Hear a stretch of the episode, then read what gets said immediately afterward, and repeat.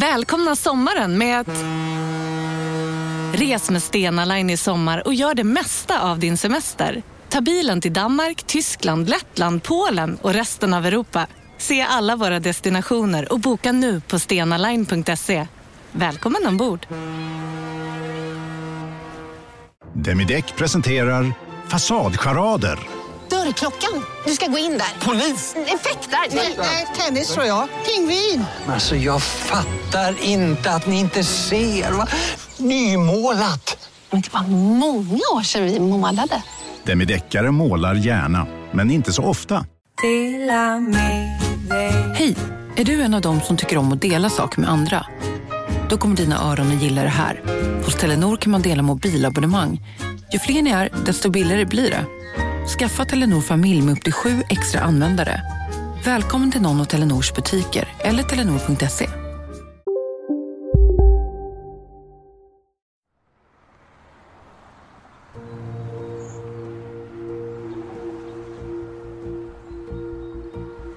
En övergiven räddningspåfart mellan Gamla Stockholmsvägen och E4. Här slutar alla spår efter 29-åriga Madeleine Ekfalk.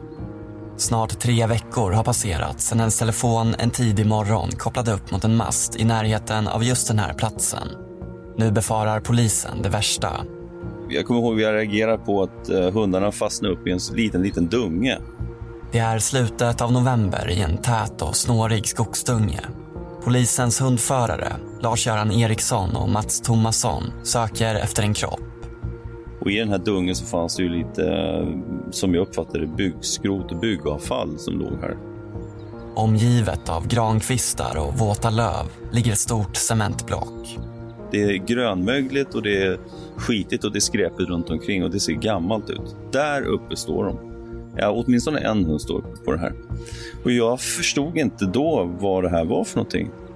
Hundarna är specialtränade och kan på flera hundra meters avstånd få upp vittring efter blod och kroppsdelar. Jag tänkte sen på att de reagerade. Vi, fa vi fattade inte att de har reagerat. Det var därför de inte kom. Det är först i efterhand vi insåg själva att inte vi förstod. Att vi kanske var lite dumma. Ja, dumma i huvudet för att vi inte förstod det. Men så att säga, det var ju inte våra förutsättningar då. Utan vi hade ju en, en mental bild av att det var en kropp vi skulle hitta. Bortsett från byggavfallet så kan vare sig Lars-Göran eller Mats vid det här tillfället se något av intresse vid platsen. Både jag och Lars-Göran sa ju liksom att nej, nu går vi härifrån. Nu, nu, det är synd att man dumpar det här ute, men så är det. Och sen så, nu går vi härifrån. Men hundarna följde inte med oss. Direkt vi ropade, utan de stod kvar allihopa. Så det blev, vi, vi fick gå ännu längre bort och då så följde hundarna till slut med oss. Till slut lämnar också hundarna skogsdungen. Platsen som flera månader senare kommer stå i centrum för en mordutredning.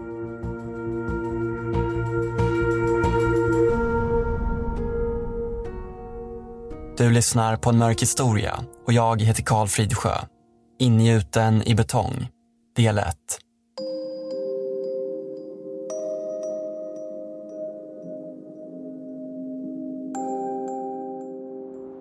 Det är något som har hänt. Det kände jag.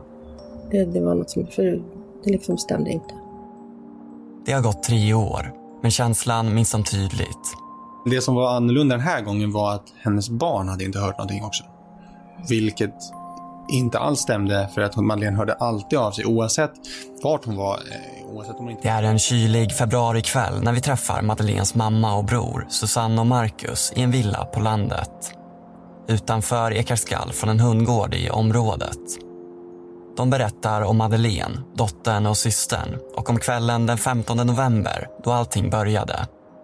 Oavsett om hon inte pratade med oss för tillfället så ringde hon alltid till sina barn varje kväll och sa godnatt. Kontakten med Madeleine hade på senare tid visserligen blivit mer sporadisk. Men det är när de förstår att ingen, vare sig hennes barn eller vänner, har hört av henne på åtta dagar som de direkt inser att det är allvar. Då bestämde vi oss för att göra en polisanmälan. Eh, Och jag ringde, vilket ledde till ett, ett, ja, nästan ett 60 minuters långt samtal med polisen som jag talade med. Eh, och det som var lite surt i det, här, i, i det här var att när en person som är, är över 18 år och blir anmäld försvunnen så behöver vi ju vänta x antal dagar. Några dagar tidigare ringde en av Madeleines vänner till polisen för att anmäla henne försvunnen. Och där hade vi hoppats då på att den här första anmälan kanske redan hade, skulle gått in. För då hade vi sparat in ett par dagar. Men nu hade den tydligen inte blivit registrerad och där så fick vi ju börja om från början. Då. Det långa och frustrerande samtalet leder till att Madeleine registreras som försvunnen. Men känslan är att deras oro inte tas på allvar. Det gjorde det. Och framförallt när vi berättade att hon missbrukade. Sen ett par år tillbaka. Ja, ett, ja precis. Då var ett, det ett, lite kommentarer så att ja, men då kommer hon säkert tillbaka snart. Familjen, som inte vill förlora någon tid i väntan på att polisen ska börja sin utredning, tvingas att själva efterforska vad som kan ha hänt Madeleine. Det de vet är att hon tillbringat natten hos en vän som vi kallar Daniel i den gamla Volkswagen-buss som han gjort om till bostad. Han hade Mm. eh, lämnat henne där på morgonen när han skulle åka och arbeta. Daniel tog farväl av Madeleine vid bussen tidigt på morgonen den 6 november innan han fortsatte iväg till jobbet. Efter det har hon inte svarat på hans sms och telefonsamtal och när han oroligt kontaktat vänner och bekanta tycks ingen veta något.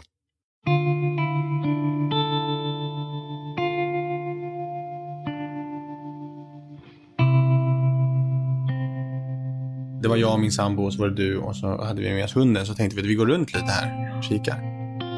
Susanne och Marcus åker ut till platsen. När de kommer fram står Daniel och meckar med husbussen vars ena fönsterruta är sönderslagen. Ja, så jag uppfattar väl honom egentligen som vem som helst. Han uttryckte väl sin oro och tyckte också att det var konstigt. Men han verkade vara mest upprörd över att han haft inbrott i bussen. Ja, så. Tillsammans med Daniel är även hans sambo, som vi kallar för Lisa, som enligt Susanne och Marcus kommer ut och ställer sig i dörröppningen till bussen. Kroppsspråket tydde på att här ska ingen gå in. Ja, det kändes Ja, det kändes lite När så. man tittade in i bussen så såg det ganska äckligt ut. Så man ville inte gå in där heller. Nej, vi pratade om det när vi gick runt där. Att det, det var någonting som inte kändes riktigt rätt heller. Gjorde vi. Jag vet också att när vi gick där så bestämde vi, tror jag, att vi skulle åka dit när de inte var där. Ja. För att liksom kunna gå runt och titta lite mer utan att det skulle Mm. se så suspekt ut. Som Daniel minns det så skulle Madeleine den där morgonen ta bussen till sin expojkvän Erik. Det är ett namn som familjen känner igen och redan har tänkt på när Daniel nämner honom. Madeleine har anmält exet för flera övergrepp och familjen vet att hon varit rädd för honom under en längre tid. Liksom, Så det på något sätt bredde ju på våra, våra misstankar också, vi- vilket ledde till att vi åkte dit dagen efter, Mm. skulle jag tro.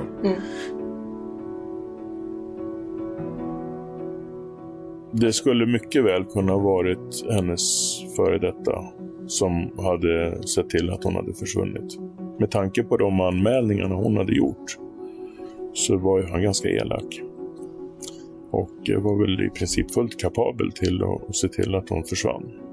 Denny Tano arbetar på polisens sektion för brott i nära relationer.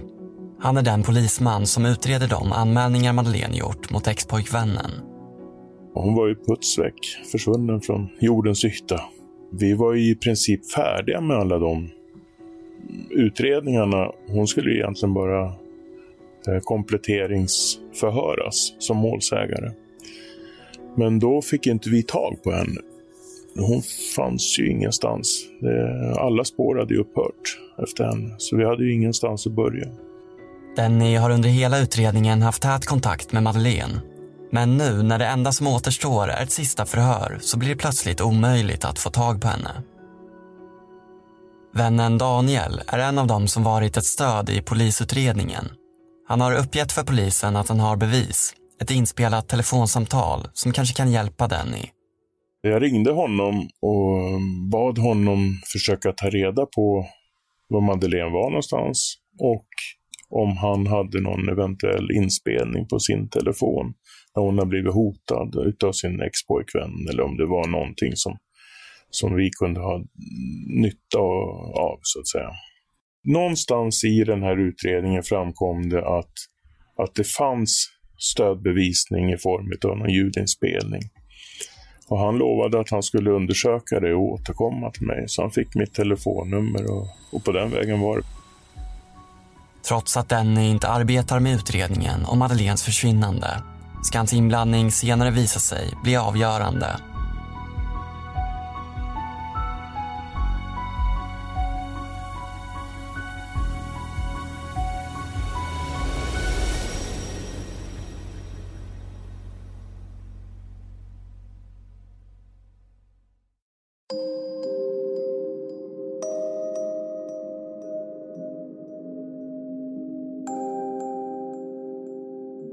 I hopp om att få tag på Madeleine har Susanne och Marcus åkt ut till den adress där de vet att expojkvännen bor.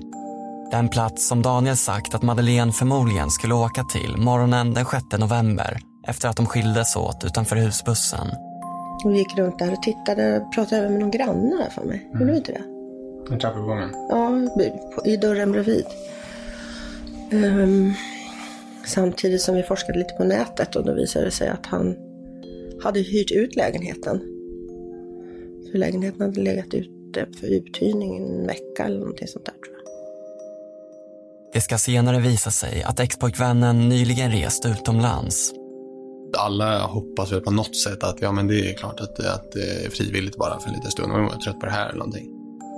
Varken besöket vid expojkvännens adress eller de andra efterforskningarna som familjen gör ger dem några svar på frågan om var Madeleine har befunnit sig de senaste nio dygnen.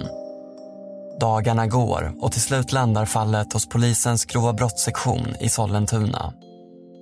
Man misstänkte liksom att det eh, inte var ett frivilligt försvinnande. Eh, hon hade inte gett några, några sådana signaler utan eh, vi misstänkte att det var, låg ett brott bakom. Och då rubriceras det som misstänkt människorov. Björn Lindgren arbetar 2015 som utredare i Sollentuna och efter mer än 40 år i tjänsten ska Madeleines ärende bli ett av hans sista före pensionen. I slutet av november, två veckor efter att Madeleine sågs för sista gången kan den grupp inom polisen som fokuserar på försvunna personer till slut lämna över ärendet till Björn och hans kollega Lennart Johannesson. De gör ju sina åtgärder. De har ju en speciell åtgärdslista man följer och när man inte liksom kunde hitta henne, eh, för det var ganska tydligt att eh, den här Madeleine, även om hon var missbrukare så hörde hon alltid av sig till sina barn. Eh, så gott som varje kväll och ja, sa godnatt till dem. En av Björn och Lennarts första åtgärder är att åka hem till familjen. Det var ett ganska långt möte då hon fick berätta om eh, Madeleine. Om, om hennes situation med missbruk och hennes ja, bakgrund, hela hennes liv i princip. Så att eh, vi fick en väldigt god information om vad Madeleine var för person och, och så. En glad, sprallig, dansande spelink ser jag framför mig. Som har en stor kram och så fick man en riktig kyss på kinden. Så. Min mamma, sa hon. det är så jag tänker på henne. Åren innan hon försvinner jobbar Madeleine inom vården i Norrköping där hon bor tillsammans med sin sambo och deras två små barn. Hon ville hjälpa andra men hon var ju också, som jag, jag talade om det tidigare, att hon var ju väldigt eh, liksom kreativ och hade mm. mycket energi och, och starta projekt hela tiden och så vidare. Så att... Eh... Hon hade lite svårt att avsluta dem bara därför att hon hittade på vägen nya mm. projekt. hon var väldigt konstnärlig och väldigt duktig på att skriva. Och det hittade vi också efteråt. När vi rensade hennes lägenhet så hittade vi mycket som hon hade skrivit. Som hon kunde skriva slutet block på två dagar. Det, och där stod det också, jag älskar, älskar ord, jag älskar bokstäver, jag älskar siffror. det är när Madeleine, tillsammans med barnen och deras pappa, bestämmer sig för att flytta tillbaka till Stockholm som hennes liv tar en ny riktning. Jag var lite utåtagerande och hade lite svårt i, ibland. Inte alltid, men ibland med sociala kontakter. Eh, Jag hade svårt att acceptera vissa saker. Hon skulle väldigt ofta få sin vilja fram. Och var lite så när hon kom in i ett rum med, med massa människor så tog hon upp allt utrymme som fanns på något sätt. Eh, det är svårt för att beskriva. Madeleine misstänkte själv att hon led av en psykisk diagnos. Trots upprepade försök att få hjälp så fick hon inte genomgå någon ordentlig utredning. Och Madeleine upplevde aldrig att hennes problem togs på allvar. Förhållandet med barnens pappa tar slut kort efter flytten. Men familjen upplever trots det att Madeleine den här första tiden i Stockholm mår bra. Hon träffar en ny kille och lyckas få ett jobb som hon verkligen trivs med. Men efter ett tag faller allt samman. Sen helt plötsligt så gjorde hennes pojkvän slut och hon blev uppsagd på grund av arbetsbrist. Och hon var sist in så hon fick gå då. Och sen glömde arbetsgivaren att sjukanmäla henne för hon blev ju jätteledsen och jättedeppig. Så hon blev ju sjukskriven ett tag. Och han glömde bort det till Försäkringskassan. Så hon fick inga pengar på två månader tror jag. Mm. Hon blev mer och mer skuldsatt. Och så den där pojkvännen som gjorde slut och jag tror att det blev bara för mycket.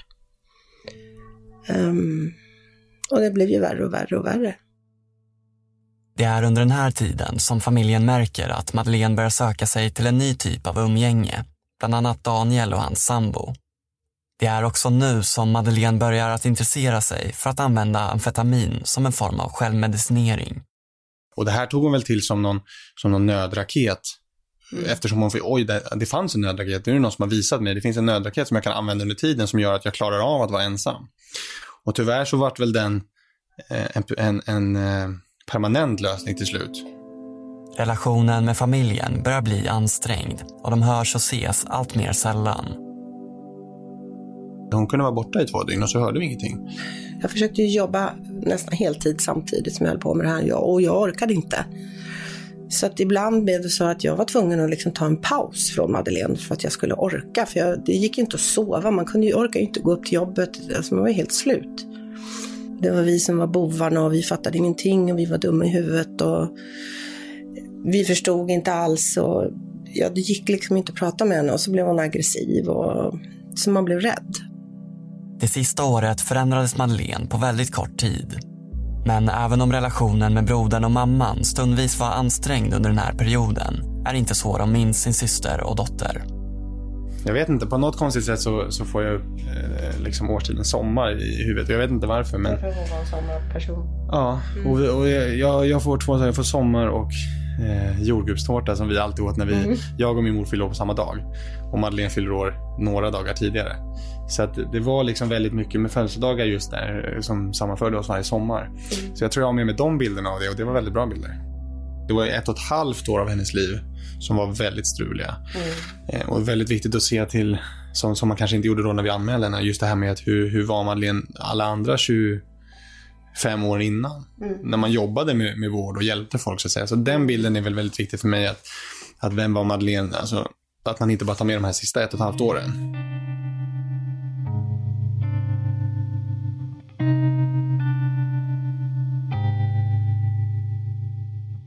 Den 6 november 06.11 så dog hennes telefon. Och eh, efter det så fanns det inga livstecken. Björn Lindgren och kollegorna på Grova Brott i Sollentuna har inledningsvis inte mycket att gå på. Vi, vi hade inte en aning om vad som hade hänt men eh, vi eh, tog in telefonlistor och eh, man kan ju säga att man börjar med att hålla förhör med alla anhöriga och, och, och kända vänner. Erfarenheten säger att det är bäst att arbeta brett och förutsättningslöst. Och vi tog in telefonlistor och, och uh, höll förhör med samtliga av hennes kontakter i hennes telefonbok. Så det blir ett gediget arbete bara med det. En av de första teorierna är att något inträffat i närområdet av Daniels husbuss den där tidiga morgonen den 6 november när Madeleines telefon kopplar upp för sista gången. Så att vi eh, satte igång med eh, hunds, hundsök då från eh, polishundar som sökte i området. De gjorde det i tre olika omgångar. Vi hade även flyget uppe för att eh, söka då efter kropp.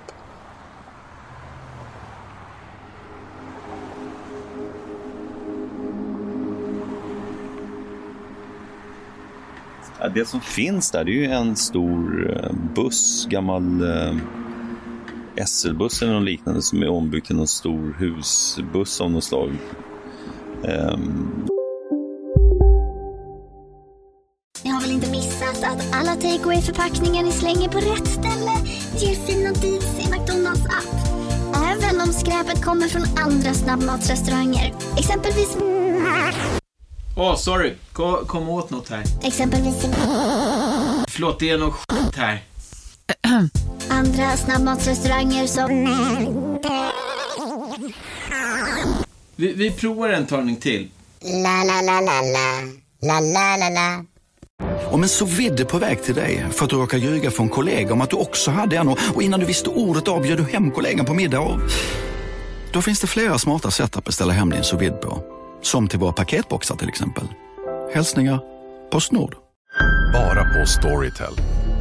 En natt i maj 1973 blir en kvinna brutalt mördad på en mörk gångväg. Lyssna på första delen i min nya ljudserie. Hennes sista steg av mig, Denise Rubberg. Inspirerad av verkliga händelser. Bara på Storytel. Det är det enda som står uppställt på den här platsen. Hundförarna Lars-Göran och Mats står på den gamla räddningspåfarten vid E4. Vägen är lerig av det gråa novembervädret. Och sen är det skrotigt runt omkring det som det lätt blir med sådana här bilar. Ehm, men någonting annat finns ju inte. Inga bostäder eller någonting sånt där. Bussen står ödsligt till, omgiven av tät skog och ett konstant brus från motorvägarna.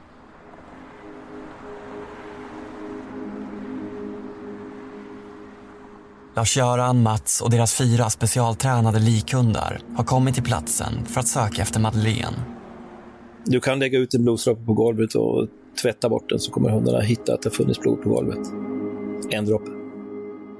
I stunden vet de inte mer än den knapphändiga information som utredarna kunnat ge. De uppgifterna vi fick det var att man kunde tänka sig kanske brukt lifta med någon. Eh, kanske hade varit på väg ner mot Väsby centrum då för att eh, kanske ta bussen och någonstans har någon hoppat på eller det har hänt någonting i närheten. Det, det var det vi, den uppgiften vi fick. Ja, vi trodde ju att vi skulle leta efter någon som låg skadad eller död i terrängen. Eh, som jag, jag gick med den inbildningen i alla fall att man kanske har gått ut på motorvägen och blivit påkörd. Eller att man hade gått ut i skogen och där låg någonstans. Eh, det, var ju de, det var ju de uppgifterna vi fick lite vagt från, från eh, utredarna initialt när vi skulle ut och söka.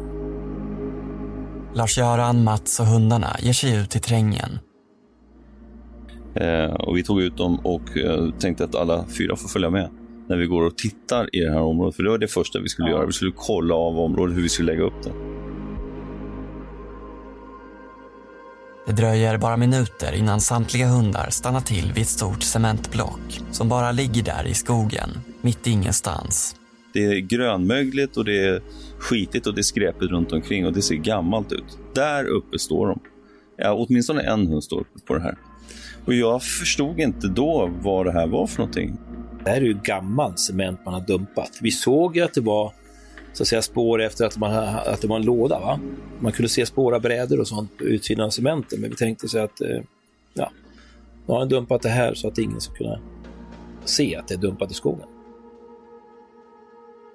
De ropar med sig hundarna och går vidare in i skogen. Men hundarna vill inte följa med. När Lars-Göran och Mats ropar kommer de inte. Det är inte så att de ställer sig och skäller på det här. Då hade vi nog kanske fått en liten annan reaktion. Men de ville inte släppa det här blocket. De ville inte gå därifrån. De stod kvar allihopa. Så vi, vi, vi fick gå ännu längre bort och då så följde hundarna till slut med oss.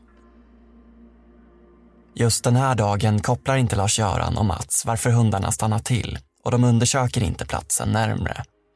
Men så, så egentligen så kan man säga att ni tänkte då kanske att hunden inte, inte lydde? Att det var det ja. som... Ja. Hur ofta händer det i, i vanliga saker? Aldrig.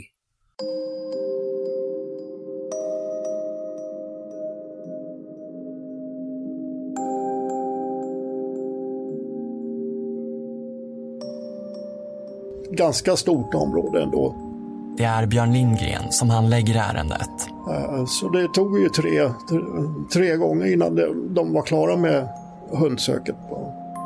Platsen är enslig och om Madeleine finns där ute i terrängen är chansen förhållandevis låg att en privatperson skulle hitta henne. Inte ens hundägare eller svampplockare liksom går där. När hundförarna kommer tillbaka från sina sökinsatser har Madeleine varit försvunnen i tre veckor. Och till Björns besvikelse har de inte mycket att berätta. Egentligen ingenting. Att, eh, det anträffas ju ingenting. Så att, uh, noll och ingenting så att säga. Men, men vi hade ändå gjort det. Och uh, till saken hörde jag, vi hade ju ganska täta kontakter med Missing People. Men vi ville inte att Missing People skulle röra sig i området förrän uh, hundarna var klara med sitt uppdrag. Det vi får veta innan är att man har varit och sökt i området med eh, kriminalsökhundar och så, som letar efter bland annat lik. Eh, det har varit eh, massa personal också i närområdet runt omkring. Jonas Sundelin är kriminaltekniker vid Stockholmspolisen. Första gången han blir inkopplad på fallet är i december 2015.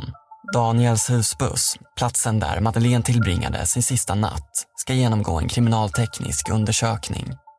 Och uh, vi ska åka ut till den här husbilen för att se om vi kan hitta någon form av spår efter att, att någon har eh, utsatts för någon form av våld. Det var, alltså när vi kom fram så husbilen det var ju belamrad med saker från golv till tak i princip, hela husvagnen, eller husbilen. Jonas och kollegorna arbetar sig metodiskt genom den stökiga husbussen. Ja, det försvårar naturligtvis. Man försöker se, man får lyfta på saker och titta i flera lager. Då. Man tittar på det som ligger över, sen så tar man nästa lager, sen nästa lager, nästa lager, ända ner till golvnivå. För att se om vi hittar någonting. Då. Och det gjorde vi ju inte. Ingenting som teknikerna hittar under deras undersökning tyder på att det skett något allvarligt brott i husbussen. Vi hittade lite blod, men det var en sån omfattning att det kunde förklaras med att någon som har en liten skada och gått runt och blött i den här husbilen. Inte så att någon har blivit ihjälslagen eller fått, blivit kraftigt misshandlad, ingenting sånt. Samtidigt har Björn Lindgren och hans kollegor hunnit lokalisera och förhöra Madeleines expojkvän. Han som nyligen lämnat landet och som Madeleine anmält för bland annat misshandel. Han fick ju redogöra var han hade befunnit sig just den här dagen och eh, även dagarna efter. Men även det spåret ska visa sig vara en återvändsgränd. Han hade alibi för eh, det här. Det kunde liksom styrkas av personer som var trovärdiga. Så att eh, vi kunde liksom ta bort honom från de som kan misstänkas.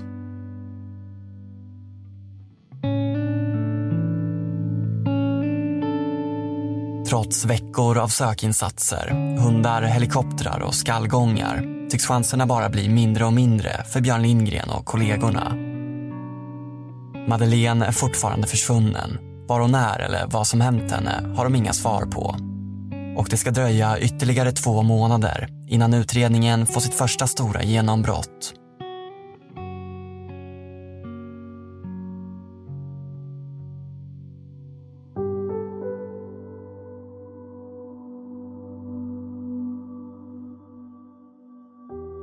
Men det var hemskt. Mm. Det var verkligen hemskt. Ovissheten och känslan av att polisens utredning i det närmaste står still under den här tiden tär på Madeleines mamma Susanne. Jag bodde i, i telefonen och datorn och försökte att få att ringa runt till vänner och försöka liksom luska på något sätt. För att de gjorde ju ingenting då på, hos polisen egentligen. De ringde dit och tjatade stup i kvarten och jag var säkert jättejobbig. Polisens utredare kan inte ge Susanne de svar hon vill ha. Istället tvingas hon navigera bland rykten, hat och lögner på anonyma internetforum. Alltså jag lusläste Flashback, som är en vedervärdig sida tycker jag. Men det var mitt enda sätt för att försöka få aktuell information. Jag var tvungen att följa den, för det var min enda liksom, kontakt med det här på något sätt. På olika sätt försöker familjen hantera rädslan att de kanske sett Madeleine för sista gången. För Susanne blir sonens hund en räddning. Jag jobbade för att jag behövde jobba, liksom, för man behövde tänka på mm, någonting annat. Eh, och alla ber, bearbetar det på olika sätt och du spenderade väldigt mycket tid med, med eh, min hund. Mm. Tack och lov. Ute i skogen. Mm. Ja, det räddade mig tror jag. jag annars hade den blivit galen. Mm. Tror jag faktiskt.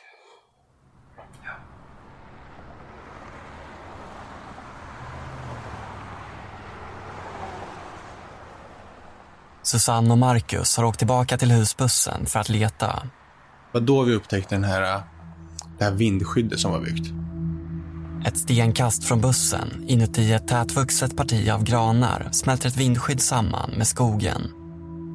Det är tillverkat av en grön presenning och täckt med granris. Men det är när de ser vad som ligger inuti som oron väcks. Det låg ett täcke, speciellt som luktade fruktansvärt mycket sköljmedel. Mm. Det bara liksom osade självmedel när man gick in där. Delar av marken är täckt av flera filtar och täcken. Marcus förstår att han är tvungen att undersöka vad som finns där under. Jag gick ju in där med, med på något sätt, eh, ja alltså fan, att, kan min syster ligga här? Eh, Och det var därför man liksom gick in med, gick in väldigt bestämt att fan, jag måste ju kolla, jag kan ju inte bara gå härifrån. Han hukar sig ner och går in under vindskyddet. Gick in och jag kommer ihåg, jag kommer verkligen ihåg att jag höll andan på något sätt för liksom att nej, nu måste jag lyfta på den här bara. Och så lyfte jag på alla färgfiltar och säcken. Mm. Men det var ju tomt liksom. Så att man ju på något sätt lättad också att, ah, du kanske bara är borta då. Liksom. När, när det inte fanns. Nej, precis. Vi visste ju inte.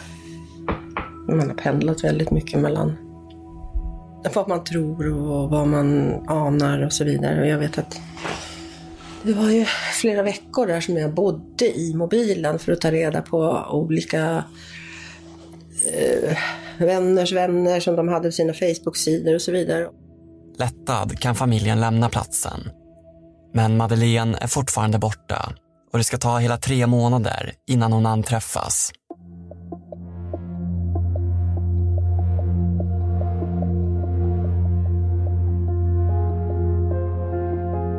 Nej, men jag har ju ett intresse, eh, dels genom min tidigare tjänst som hundförare i Stockholm. Eh, så har jag liksom varit ute ett antal gånger och letat försvunna personer. Det är en söndag i februari, strax efter lunch. Polismannen Denitano är ledig, men kan inte släppa tanken på Madeleines försvinnande. Och det var någonting som, som jag intresserade mig för eftersom jag visste exakt var Madeleine hade bott i den här bussen som stod parkerad mellan E4 och Stockholmsvägen. Eh, jag har åkt förbi där många gånger och sett den där bussen. Han jobbar inte med försvinnandet utan utreder de anmälningar Madeleine gjort mot sin expojkvän när hon plötsligt inte längre gick att nå. Han vet om att både likhundar, Missing People och flertalet poliser sökt vid den plats där alla tecken på hennes existens tycks ha upphört tre månader tidigare. Men jag kände ändå att jag var tvungen att åka ut och se hur det såg ut på platsen. Och eh, söndagen den 7 februari så åkte jag dit. Eh, på min lediga tid för att verkligen försöka sätta mig in i vad det var som hade hänt och se om jag kunde hitta någonting. Denitano svänger av motorvägen och kliver ur vid räddningspåfarten. Husbussen är sedan en tid tillbaka flyttad, men den har lämnat spår i terrängen. kan jag ganska fort lokalisera, hitta en, en oljefläck. Och då förstod jag att bussen hade ju stått med akten mot Stockholmsvägen och fronten mot E4. Och i normalfallet så, så är ju dörrarna på bussen då på höger sida. Och då stod jag där och funderade lite så tänkte jag så här att om, om jag hade varit gärningsman och gjort henne någonting hur hade jag gjort? Vad hade jag gjort med kroppen? Och så gick jag och funderade en stund. Han står där en stund, tänker och försöker att sätta sig in i vad som rör sig i huvudet på en potentiell mördare. Om jag har tagit livet av henne, då lär jag nog ha gått rakt kortaste vägen ut i skogen. Och eh, då gjorde jag det. Så jag var inte där i fem minuter. Så kom jag fram till en, eh, en grantätning. Det var ett antal unga granar som stod som i en halvcirkel formad. Det var som att möta en, en vägg. Då blev jag lite nyfiken och så kollade jag vad som fanns bakom den här väggen. Och då, då såg jag det här betongblocket. Då ligger ett betongblock där i, i formen av en kista. Betongblocket är stort och det ser inte ut som att någon bara dumpat det där för att bli av med det. Blocket är gjutet med omsorg. Men min första tanke när jag såg det här betongblocket var vem har gjort det här här? Och varför? Varför gjuter man ett betongblock här ute? Det övergick mitt förstånd helt och hållet. Ensam ute i februarikylan begrundar den i betongblocket. Jag står där och tittar och funderar och tror inte riktigt på vad jag ser. Jag fick liksom kalla kårar för jag tänkte att det här kan inte vara sant. Hans instinkt säger att Blocket kan vara intressant. Men å andra sidan har ju platsen redan finkammats av både hundar och människor. Ovanpå det här betongblocket så var det ju gamla löv från träden runt omkring. Så att, eh, då tänkte jag det att eh, eh, de här löven har ju fallit innan vintern. Och så har de ju legat här och nu var det ju ja, 7 februari så det var ju liksom löven borde ha fallit för länge sedan. Och eftersom kollegorna hade varit där tidigare och sökt tillsammans med Missing People så tänkte jag att de har nog sett det här och vet om det. liksom. Han undersöker blocket närmre. Och sen såg jag då i mitten på det här betongblocket ett svart tygstycke som stack ut eh, därifrån. Och det var som en, liten, eh, som en liten bubbla som stack ut från det här betongblocket. Och eh, så det, jag petade på det med, med en pinne och det var ganska stumt. Eh, så jag fick ingen respons från, från det här tygstycket. Utan, och då började, vet jag att tankarna gick många gånger eftersom jag inte riktigt visste vad jag stod och tittade på eller höll på med det här. Så, så uh, tänkte jag att någon kanske hade tjuvskjutit en varg och ville gömma den. Och liksom, eller något grovt jaktbrott. Alltså någonting som man ville göra sig av med. Men storleken på blocket stämmer inte. Sen så tittade jag på det där och sen bestämde jag mig för att det här är nog någonting större. Och eh, då kontaktade jag en, en, kollega som jobbar på grova brottssektionen. Åkte hem till henne och berättade vad jag hade hittat. Och därifrån så ringde vi då till eh, Björn Lindgren. Det, det, måste ju vara Madeleine. Det kan ju inte vara någon annan liksom. Det, var ju, det här var ju ja, max ja, ungefär 50 meter från husbussen där den hade varit uppställd. Så det kan ju inte vara någon annan än Madeleine. Så tänkte vi i alla fall.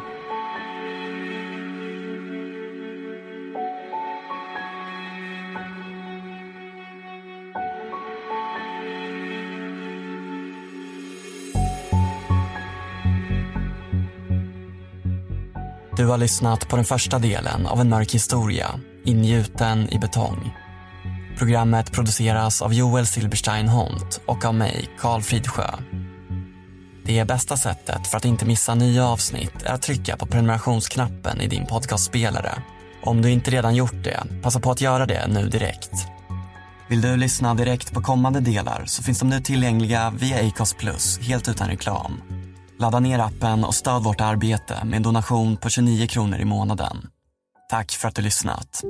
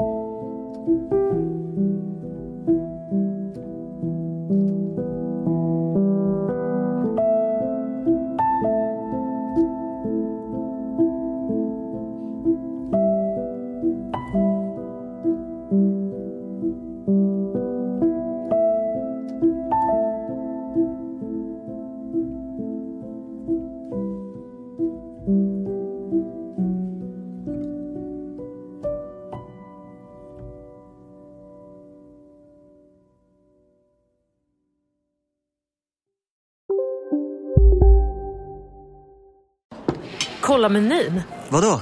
Kan det stämma? 12 köttbullar med mos för 32 spänn. Mm. Otroligt! Då får det bli efterrätt också. Lätt! Onsdagar är happy days på IKEA. Fram till 31 maj äter du som är eller blir IKEA Family-medlem alla varmrätter till halva priset. Vi ses i restaurangen på IKEA. Ah, dåliga vibrationer är att skära av sig tummen i köket. Ja! Bra vibrationer är att du har en tumme till och kan scrolla vidare. Få bra vibrationer med Vimla. Mobiloperatören med Sveriges nöjdaste kunder enligt SKI. Hej, Susanne Axel här. När du gör som jag och listar dig på en av Krys vårdcentraler får du en fast läkarkontakt som kan din sjukdomshistoria. Du får träffa erfarna specialister, tillgång till lättakuten och så kan du chatta med vårdpersonalen. Så gör ditt viktigaste val idag, listar dig hos Kry.